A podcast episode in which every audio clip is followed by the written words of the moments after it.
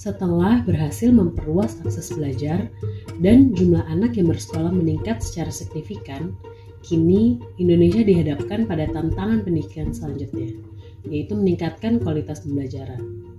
Namun, sayangnya hal ini terkendala oleh krisis pembelajaran yang dialami di banyak negara, salah satunya Indonesia. Untuk mengatasinya, dibutuhkan perubahan yang radikal di sistem pendidikan kita. Program RISE merumuskan lima prioritas kebijakan pendidikan yang dapat membantu para pembuat kebijakan dan pemangku kepentingan di pendidikan dalam melawan krisis pembelajaran. Nantikan obrolan host papan tulis Anwari dan para peneliti program RISE in Indonesia hanya di seri kedua Reform and Reform.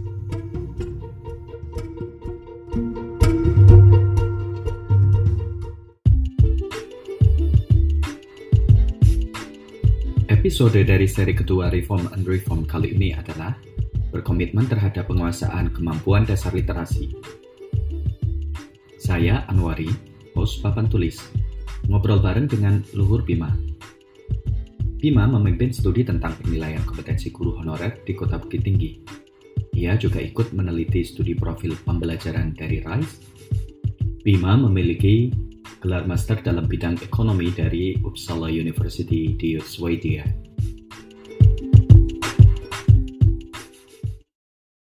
Halo Mas Bima dan terima kasih sudah hadir di kesempatan kali ini.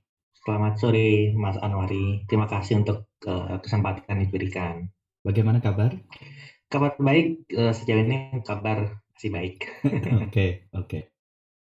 Saya yakin Mas Bima tidak asing dengan pertanyaan ini. Satu per tiga dikurangi satu per enam. Jelas, itu pasti ya pertanyaan yang sangat, apa ya, di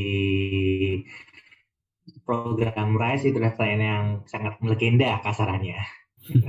Oke. Jadi satu per tiga dikurangi satu per enam itu adalah sebetulnya adalah salah satu pertanyaan yang ada di IFLS uh, di level uh, rumah tangga yang dilakukan uh, secara berkala setiap empat atau lima tahun sekali saya lupa. Di situ intinya di situ ada pertanyaan yang yang mencoba untuk mengukur kemampuan kognitif anak atau kognitif uh, responden survei. Uh, dan salah satu pertanyaan adalah sepertiga dikurangi seperenam. Seperti itu. Iya, menarik, menarik. Ini berarti ada kaitannya dengan kemampuan literasi dasar ya? Benar. Tapi kalau ngobrolin kemampuan literasi dasar, terutama di sekolah, kita tuh sering melihat hasil tes PISA yang menunjukkan Indonesia konsisten di ranking buncit. Jadi bagi teman-teman papan tulis, bisa itu tes yang dilakukan oleh OECD, Organisasi Ekonomi Antarnegara berbasis di Paris. Dan tes ini sudah dilakukan bertahun-tahun di berbagai negara untuk melihat kemampuan dasar siswa di sekolah. Eh, dan jadi salah satu rujukan juga untuk melihat kemampuan dasar siswa di suatu negara termasuk Indonesia. Konsisten di ranking buncit ini? Iya, jadi mungkin saya nggak akan panjang lebar membahas kisah ya, karena mungkin uh, para pendengar bisa uh, mencari uh, di internet sudah banyak uh, akademisi, praktisi, praktisi atau juga pemerintah membahas tentang hasil PISA Indonesia yang selama uh, beberapa kali apa ya uh, melakukan uh, mengikuti uji uh, PISA ini yang yang uh, berstandar internasional ini posisi Indonesia uh, cukup stabil, kasarnya cukup stabil untuk berada di posisi yang sama bertahun-tahun seperti itu sih. Apabila dibandingkan dengan contohnya negara tetangga seperti Vietnam, uh, mereka beberapa tahun terakhir, uh, beberapa uh, tahun terakhir ini uh, di PISA dalam ikuti PISA ini mereka melakukan apa ya, mengalami kemajuan yang sangat signifikan seperti itu dibandingkan dengan negara uh, dibandingkan dengan uh, Vietnam Indonesia cenderung bisa dibilang tidak ada perubahan apa pun dalam uh, beberapa tahun terakhir uh, jika dilihat dari hasil pisahnya. Konsisten di ranking buncit, bisa nggak sih kita konekin dengan pertanyaan sebenarnya apa sih yang terjadi dengan pembelajaran kita di sekolah, terutama di level dasar? Jadi kalau kita melihat pembelajaran yang ada di, uh, jadi gini, sebelumnya saya disclaimer dulu ya, uh, Mas Anwar, bahwa background saya itu saya bukan uh, dari lulusan dari uh, pendidikan, uh, background saya bukan pendidik, jadi saya tidak mendalami bagaimana metode pendidikan atau kurikulum pendidikan. Background saya adalah ekonomi, namun saya melihat uh, pembelajaran, terutama pembelajaran di uh, pendidikan dasar itu dari perspektif ekonomi, bagaimana uh, pembelajaran anak-anak di uh, di pendidikan dasar itu dapat uh, nantinya memengaruhi uh, kesejahteraan mereka dalam jangka panjangnya seperti itu. Jadi kalau melihat pembelajaran di Indonesia uh, selama bisa dibilang mungkin kurun waktu 10-20 tahun terakhir, kalau mau dilihat dari direfleksikan dari hasil IFLS saja, uh, kami melihat dari, analisis kami, kami melihat malah kecenderungannya itu terjadi uh, penurunan di hasil pembelajaran anak-anak tersebut. Itu kami menilainya berdasarkan dari hasil analisis tes kognitif yang kami yang saya sampaikan tadi di awal. Kalau melihat trennya sendiri, ternyata tren hasil jawaban dari responden di IFLS di tahun sebentar saya mesti melihat dulu uh, hasilnya uh, apa uh, catatan saya. Jadi IFLS di tahun 2014 itu hasil tes kognitif IFL, ya, hasil tes kognitif IFLS di tahun 2014 itu jika dibandingkan dengan uh, hasil tes yang sama untuk respon di tahun 2000 itu terlihat malah uh, trennya itu ada di bawah dari tahun 2000 uh, eh, yang yang hasil 2014 ini. Jadi kami melihat uh, malah dengan segala macam perubahan eh, baik di kurikulum maupun di metode pembelajaran ataupun di anggaran ternyata eh, dari hasil sederhana asesmen kognitif yang ada itu secara umum konsisten dengan PISA di mana pembelajaran malah hasil pembelajarannya malah menurun eh, jika membandingkan eh, hasil belajar di tahun awal 2000-an dengan 14 eh, tahun kemudian. Seperti itu. Melihat dari hasil riset tadi, um, apakah bisa kita katakan sebenarnya terjadi krisis dalam pembelajaran? Uh, mungkin pada level tertentu kita bisa bilang begitu ya, karena kalau kita melihat di mana misalnya kita membandingkan dengan negara lain yang mereka menunjukkan uh, peningkatan yang positif, tapi di satu sisi Indonesia malah menunjukkan perubahan yang bisa dibilang negatif ya.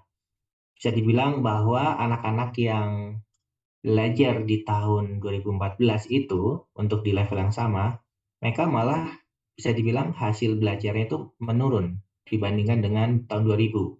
Maka kalau tren ini terus berlanjut, maka ke depannya ini akan menyebabkan adanya penurunan kualitas uh, manusia di Indonesia. Sehingga uh, mungkin kita bisa mengingatkan semua pihak bahwa ini ada tanda-tanda terjadinya krisis pembelajaran di Indonesia. Jika kita tidak segera menindaklanjuti data data-data yang ada, hasil-hasil indikator yang ada, baik dari sisi IFLS ini sendiri ataupun hasil PISA yang menunjukkan bahwa perlu ada tindakan-tindakan atau gebrakan mungkin uh, di level tertentu untuk bisa mengubah uh, tren pembelajaran yang ada saat ini. Oke, okay, uh, melihat bisa tadi kita balik lagi, sebenarnya kan yang dilihat di level pembelajaran dasar, karena di level dasar yang bisa diartikan juga sebagai level terpenting sebelum ke naik ke level selanjutnya, Berarti perlu adanya prioritas dan komitmen untuk pengembangan penguasaan kemampuan dasar. Benar sekali Mas Anwari. Karena uh, pembelajaran di level dasar Itu maksudnya level dasar itu di level SD dan SMP itu merupakan pondasi bagi seseorang untuk mereka uh, siap untuk kemudian belajar di level yang lebih tinggi.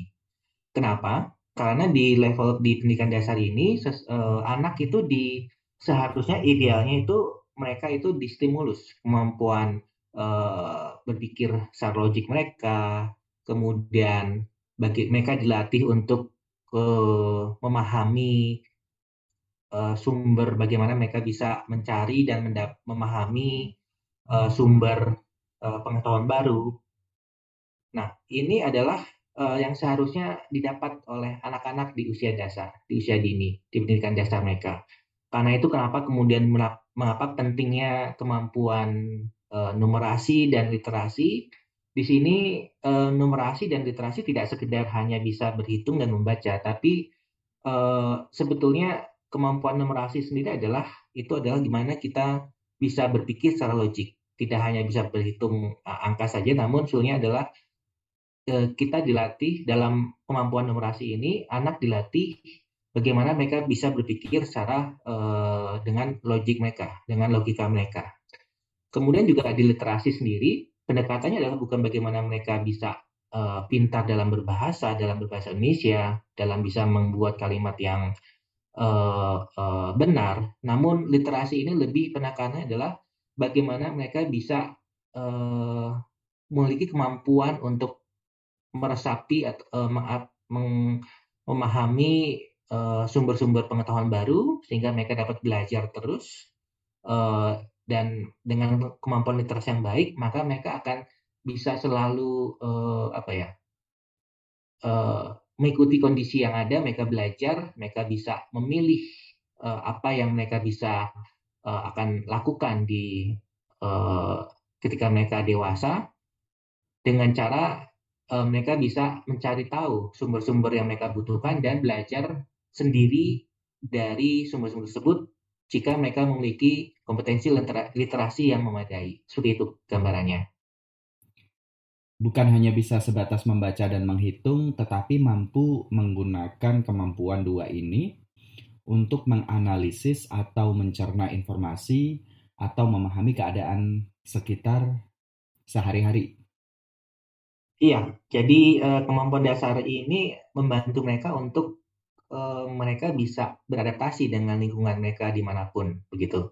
Jadi dengan kemampuan berlogika uh, yang baik, dengan bagaimana mereka punya literasi yang baik sehingga bisa memahami hal-hal baru dengan baik, itu akan sangat membantu mereka untuk uh, menyesuaikan uh, anak-anak ini pada ketika mereka beranjak dewasa, mereka akan menyesuaikan diri dengan tuntutan yang ada, dengan situasi yang ada, seperti itu. Hmm, Oke. Okay.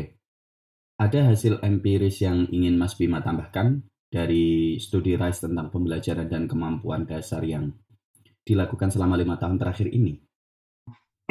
Hasil empiris yang kami kumpulkan selama ini uh, di studi RISE lima tahun terakhir ini, karena ketika kami mencoba untuk mengumpulkan data hasil belajar anak misalnya, uh, kami melihat malah kecenderungan itu anak anak-anak yang ada sekarang mereka masih levelnya uh, di level pemahaman mereka ada level yang sifatnya masih sangat apa ya uh, uh, kasar sebenarnya low order thinking. Jadi misalnya kalau di uh, numerasi uh, yang masih kebanyakan itu anak-anak itu kemampuan mereka masih yang sifatnya adalah menghafal contohnya.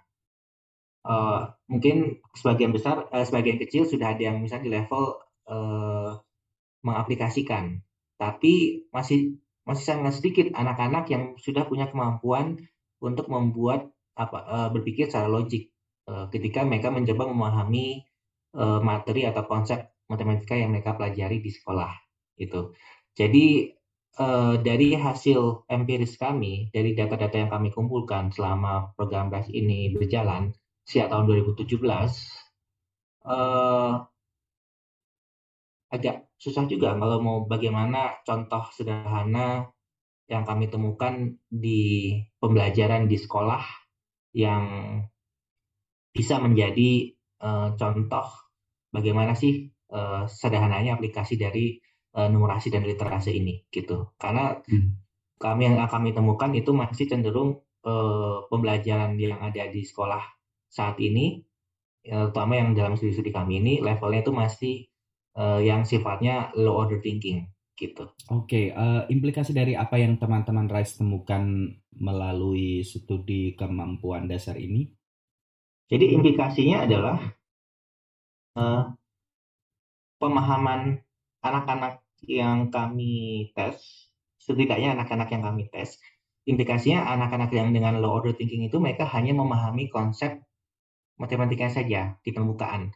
Mereka tahu bagaimana menghitung, uh, bagaimana menambah angka, bagaimana mengurangi, uh, membagi ataupun mengkali angka. Namun mereka tidak ini sepenuhnya konsep itu dan bagaimana menerapkannya uh, atau mengaplikasi dalam konteks misalnya keseharian seperti itu.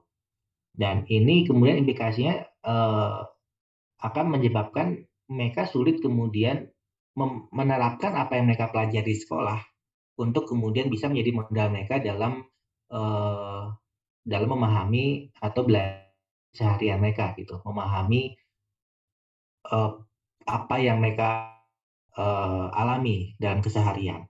Kurang lebih seperti itu. SD dan SMP kan masa-masa awal dalam jenjang pendidikan formal. Ya, jadi kalau pendidikan dasar itu biasanya untuk di level yang kita meng mengdefinisikan pendidikan dasar itu itu level SD dan SMP sehingga kenapa kok ada program hmm. wajib belajar hmm. 9 tahun. Dan tadi ada low order thinking and high order thinking. Dua jenis thinking itu cirinya seperti apa? Jadi uh, itu uh, bisa dibilang sederhananya adalah anak masih ada di, tata, uh, di tataran berpikir yang sifatnya sederhana seperti itu. Misalnya adalah jadi anak menghafal. Jadi kalau kita sering kalau kita mungkin ke sekolah gitu kita uh, kita kadang-kadang melihat uh, mereka di di apa ya diinstruksikan oleh gurunya untuk menghafal. Misalnya dikali dua sama dengan dua satu dikali tiga sama dengan tiga seperti itu. Sampai satu kali seratus misalnya. Lalu dua kali lima sama dengan sepuluh. Mereka uh, tahu bahwa dua kali lima sama dengan sepuluh. Tapi uh, bukan karena mereka paham konsep perkalian tapi karena mereka menghafalnya nah itu adalah salah satu contoh dari order thinking. Nah, kemudian uh, itu untuk uh, uh, dalam hal numerasi ya. Nah, lalu kemudian di level yang misalnya high uh, high uh, high order thinking itu adalah di mana sebetulnya anak itu sudah bisa uh, setidaknya mengaplikasikan dan bahkan uh, apa ya membuat uh, reasoning. Reasoning itu artinya uh, sudah bisa uh, memahami logikanya gitu. Jadi misalnya adalah ke, yang mengaplikasikan misalnya uh, dalam memahami konsep uh, pertambahan itu anak sudah paham ketika uh, soal uh, tambahan misalnya 5 ditambah 3 sama dengan 8 tapi kemudian ketika soal itu diubah dalam bentuk misalnya dalam keseharian, misalnya jika kakak memiliki lima, contohnya kakak memiliki uh, buah buku, kemudian ibu datang dari pasar membawakan uh, kakak tiga buah buku, maka berapa buku yang kakak miliki sekarang? Nah, anak-anak yang di level low order thinking, di mana mereka uh, hanya bisa menghafal, hanya mereka tahu karena mereka menghafal, mereka kesulitan untuk menjawab uh, pertanyaan yang ketika mereka dalam konteks keseharian ini. Karena mereka tidak memahami konsepnya, tapi hanya menghafalnya. Nah, untuk yang lebih tinggi lagi, yang high order thinking yang uh, lebih tinggi itu reasoning, itu mereka sudah uh, memahami logika dari konsep tersebut gitu barang seperti itu kurang lebihnya mungkin itu hmm. gambarannya untuk low order dan high order uh, thinking seperti itu mm -hmm. high order thinking anak sudah paham konsepnya mereka tidak bakalan lupa kalau hadir dalam bentuk dalam tanda kutip lain. Benar. Mereka ya auditing itu mereka menguas, benar, menguasai konsepnya dan bisa meng, e, mengaplikasikannya gitu yang high order thinking karena mereka sudah memahami dan menguasai konsepnya gitu sehingga mereka e, dalam bentuk apa pun mereka sudah bisa menerapkannya gitu mm -hmm. untuk high order thinking. Mm -hmm. Oke. Okay. Apa yang bisa dilakukan untuk menjawab krisis pembelajaran berkaca dari hasil studi RISE yang sudah dilakukan? Iya, uh, apa yang bisa dilakukan? Ini makanya akan bergantung di level apa, Mas? Bisa di level uh, sekolah, di level masyarakat, atau di level pemerintah. Uh, mungkin untuk ya, mungkin ingin menekankan dulu di level pemerintah ya, karena pemerintah ini sifatnya kebijakan uh, yang perlu untuk di apa uh, di highlight supaya jika kebijakan ini bisa diterapkan, perubahan ini diterapkan, maka akan memberikan lebih luas kepada pembelajaran di, Indonesia secara lebih uh, komprehensif kasarnya. Nah, apa yang bisa dilakukan oleh pemerintah dalam hal ini Kementerian Pendidikan itu adalah bagaimana kita bisa eh, pemerintah bisa membuat kebijakan yang uh, mendorong untuk penguasaan kemampuan dasar yang lebih baik. Beberapa hal yang bisa dilakukan, misalnya satu, untuk membuat target yang uh, target bagi dinas pendidikan maupun bagi sekolah untuk uh, target-target yang cukup bisa untuk dipenuhi oleh mereka. Nah, kemudian yang kedua, eh, target-target ini misalnya eh, bahwa kemudian eh, target dari pemerintah itu tidak muluk-muluk, terlalu tinggi, sehingga kemudian sekolah pun jika terlalu tinggi bisa memenuhinya, dan bahkan kemudian malah memaksakan murid untuk sekedar memenuhi target itu tanpa benar-benar melakukan pembelajaran yang berorientasi kepada penguasaan murid terhadap konsep. Kemudian yang kedua adalah bagaimana kemudian membuat kebijakan untuk mengukur uh, perkembangan pembelajaran murid terhadap target-target tersebut. Sehingga yang terjadi sekarang saat ini adalah uh, mungkin pemerintah punya target uh, terhadap uh, pembelajaran uh, di sekolah, namun sering kali uh, pengukuran yang ada, misalnya dengan ujian, dengan assessment, itu tidak tidak sinkron dengan target yang di, uh, ditetapkan.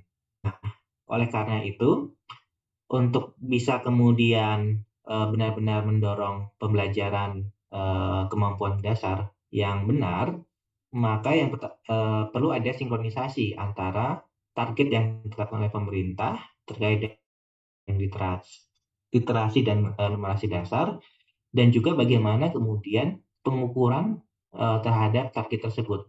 Bagaimana perkembangan uh, pembelajaran yang mengarah ke target itu bisa diukur dengan baik. Kenapa pengukuran ini penting? Karena dengan pengukuran yang dilakukan secara berkala, kita tahu progres atau perkembangan pelajaran murid dan bisa kemudian melakukan penyesuaian-penyesuaian terhadap pembelajaran murid mana yang yang membutuhkan bantuan lebih banyak bagi guru dari guru kemudian mana murid yang mereka memiliki performance yang sangat baik sehingga kemudian mereka bisa distimulus untuk belajar lebih lebih jauh lagi. Nah di sini sangat dibutuhkan bagaimana ada apa monitoring progres pembelajaran ini. Sehingga kemudian pihak uh, sekolah, guru ataupun dinas pendidikan bisa kemudian menyesuaikan kegiatan ataupun uh, program-program mereka seperti itu. Lalu yang adalah uh, kita paham bahwa tanggung jawab ini kemudian ada di level sekolah dan juga di level uh, dinas. Karena itu mereka pun tidak bisa sendirian melakukan ini, melakukan pembelajaran ini tidak bisa melakukan uh, pembelajaran ini tanpa dukungan dari pemerintah, terutama untuk sekolah-sekolah uh, ataupun dinas di mana hasil pembelajaran mereka saat ini terbilang masih uh, mengalami masih banyak murid yang di level yang level pembelajaran numerasi dan literasinya itu di level yang rendah seperti itu. Oke, uh, melalui melalui riset Price, apa langkah lanjutan yang bisa diambil, terutama dalam ranah kebijakan dan juga terkait hal yang kita obrolkan di kesempatan kali ini um, dengan berkomitmen pada kemampuan dasar literasi. Iya, jadi uh, kebijakan tadi itu yang tadi saya sudah uh, sampaikan jadi kalau mau dibuat secara lebih uh, clear lagi, saya sampaikan tuh bisa dirumuskan menjadi lima prioritas kebijakan dasar uh, kebijakan pendidikan. Uh, tadi uh, yang pertama adalah uh, pastinya pemerintah harus berkomitmen terhadap penguatan dasar untuk literasi dan numerasi. Artinya kebijakan-kebijakan yang di mana target-target uh, yang ditetapkan oleh pemerintah itu orientasinya itu harus didasarkan kepada bagaimana meningkatkan uh, kompetensi anak atau murid di uh, literasi dan numerasi. Lalu yang kedua, tadi yang uh, bagaimana juga ada uh, mekanisme untuk mengukur pembelajaran uh, sehingga kemudian seberapa jauh hasil pembelajar hasil belajar murid untuk mencapai target yang ditetapkan itu bisa diukur dengan baik dan hasil pengukuran yang baik itu menjadi feedback atau masukan bagi penyelenggara pendidikan itu di level sekolah, di level uh, dinas ataupun di pemerintah untuk kemudian menyesuaikan kebijakan-kebijakan mereka yang ada untuk bisa melihat uh, mana yang perlu diperbaiki, mana yang perlu ditingkatkan dan sebagainya. Kemudian uh, antara mekanisme pembelajaran dengan mekanisme target apa dengan target yang diterapkan ini perlu adanya selar, uh, diselar, diselaraskan antara sistem uh, penilaian pembelajaran atau pengukuran pembelajaran dan juga sistem uh, pengukuran uh, target uh, yang ingin di, uh, diraih. Lalu yang keempat itu adalah pemerintah uh, perlu untuk secara aktif mendukung pengajaran yang dilakukan oleh para guru. Kita tahu bahwa guru adalah aktor penting di dalam pembelajaran para murid ini. Sehingga jika mereka para guru sendiri mereka tidak memiliki uh, sistem uh, pendukung yang baik, maka mereka akan uh, kewalahan, tidak memiliki sumber-sumber yang mereka bisa gunakan untuk meningkatkan atau memperbaiki uh, kemampuan mereka mengajar uh, di sekolah yang mana ini pada pada akhirnya akan memberikan dampak negatif terhadap kegiatan pembelajaran di uh, sekolah bagi murid. Oleh karena itu, pemerintah perlu secara hati-hati dan uh, serius untuk meningkatkan bagaimana mereka memberikan sistem uh, yang baik dan fasilitas yang baik untuk mendukung uh, pengajaran bagi para guru-guru yang ada di. Nah, sistem dan fasilitas ini tidak hanya sekedar bagaimana memberikan insentif finansial kepada guru atau insentif fasilitas fisik, tapi lebih bagaimana kemudian fasilitas itu adalah bagaimana guru bisa mengembangkan kemampuan mereka mengajar. Bagaimana mereka kemampuan mereka untuk meng, meng, mengamati perkembangan belajar dan bagi kemampuan mereka untuk bisa menyesuaikan pembelajaran uh, untuk bagi setiap anak berdasarkan uh, kemampuan anak itu. Bagi anak yang kemampuan rendah, menengah maupun tinggi, guru harus memiliki kemampuan bagaimana bisa uh, memberikan pengajaran yang sesuai dengan mereka. Nah, bagi guru ini, jika mereka tidak mendapat dukungan, akan sulit bagi mereka untuk bisa uh, melakukan hal-hal yang dibutuhkan. Dan terakhir adalah mengadaptasi pendekatan. Uh, bahwa kita harus paham bahwa kemampuan anak itu sangat bervariasi. Kemudian kita tahu bahwa adanya variasi antar sekolah. Ada sekolah yang mungkin secara rata-rata anaknya anak-anak di sekolah itu memiliki kemampuan yang tinggi. Uh, kemudian di, ada yang juga rendah. Kemudian juga ada variasi antar daerah. Itu perlu adanya pendekatan yang tidak uh, seragam. Pendekatan dalam meningkatkan pembelajaran itu harus mengacu kepada uh, kondisi di masing-masing uh, uh, level yang kita coba uh, kembangkan, baik itu di level daerah maupun di level sekolah dan bahkan di level anak individu anak itu. Jadi seperti itu kurang lebihnya. Yang uh, prioritas kebijakan yang perlu untuk diperhatikan oleh pemerintah uh, terkait untuk meningkatkan uh, pembelajaran di Indonesia, khususnya dalam penguasaan kemampuan literasi dan numerasi. Dari lima prioritas kebijakan yang diusung RISE, berdasar hasil riset yang telah dilakukan tadi, sebenarnya keragaman seharusnya benar-benar dilihat ya. Ya benar. Jadi antar daerah, antar sekolah, maupun antar murid, antar anak itu ada variasi uh, kemampuan, ada yang tinggi, ada yang rendah, ada yang menengah, sehingga kemudian pendekatan yang dilakukan itu tidak bisa seragam. Mm -hmm. uh, itu yang harus mm. dipertimbangkan. Oke, okay.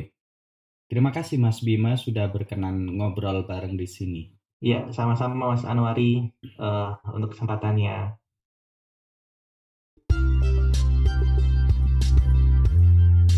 Terima kasih telah mendengarkan seri kedua dari Reform Unreformed. Bantu RISE untuk menyebarkan 5 prioritas kebijakan pendidikan demi melawan krisis pembelajaran dengan mengunjungi situs webnya di riseprogram.org.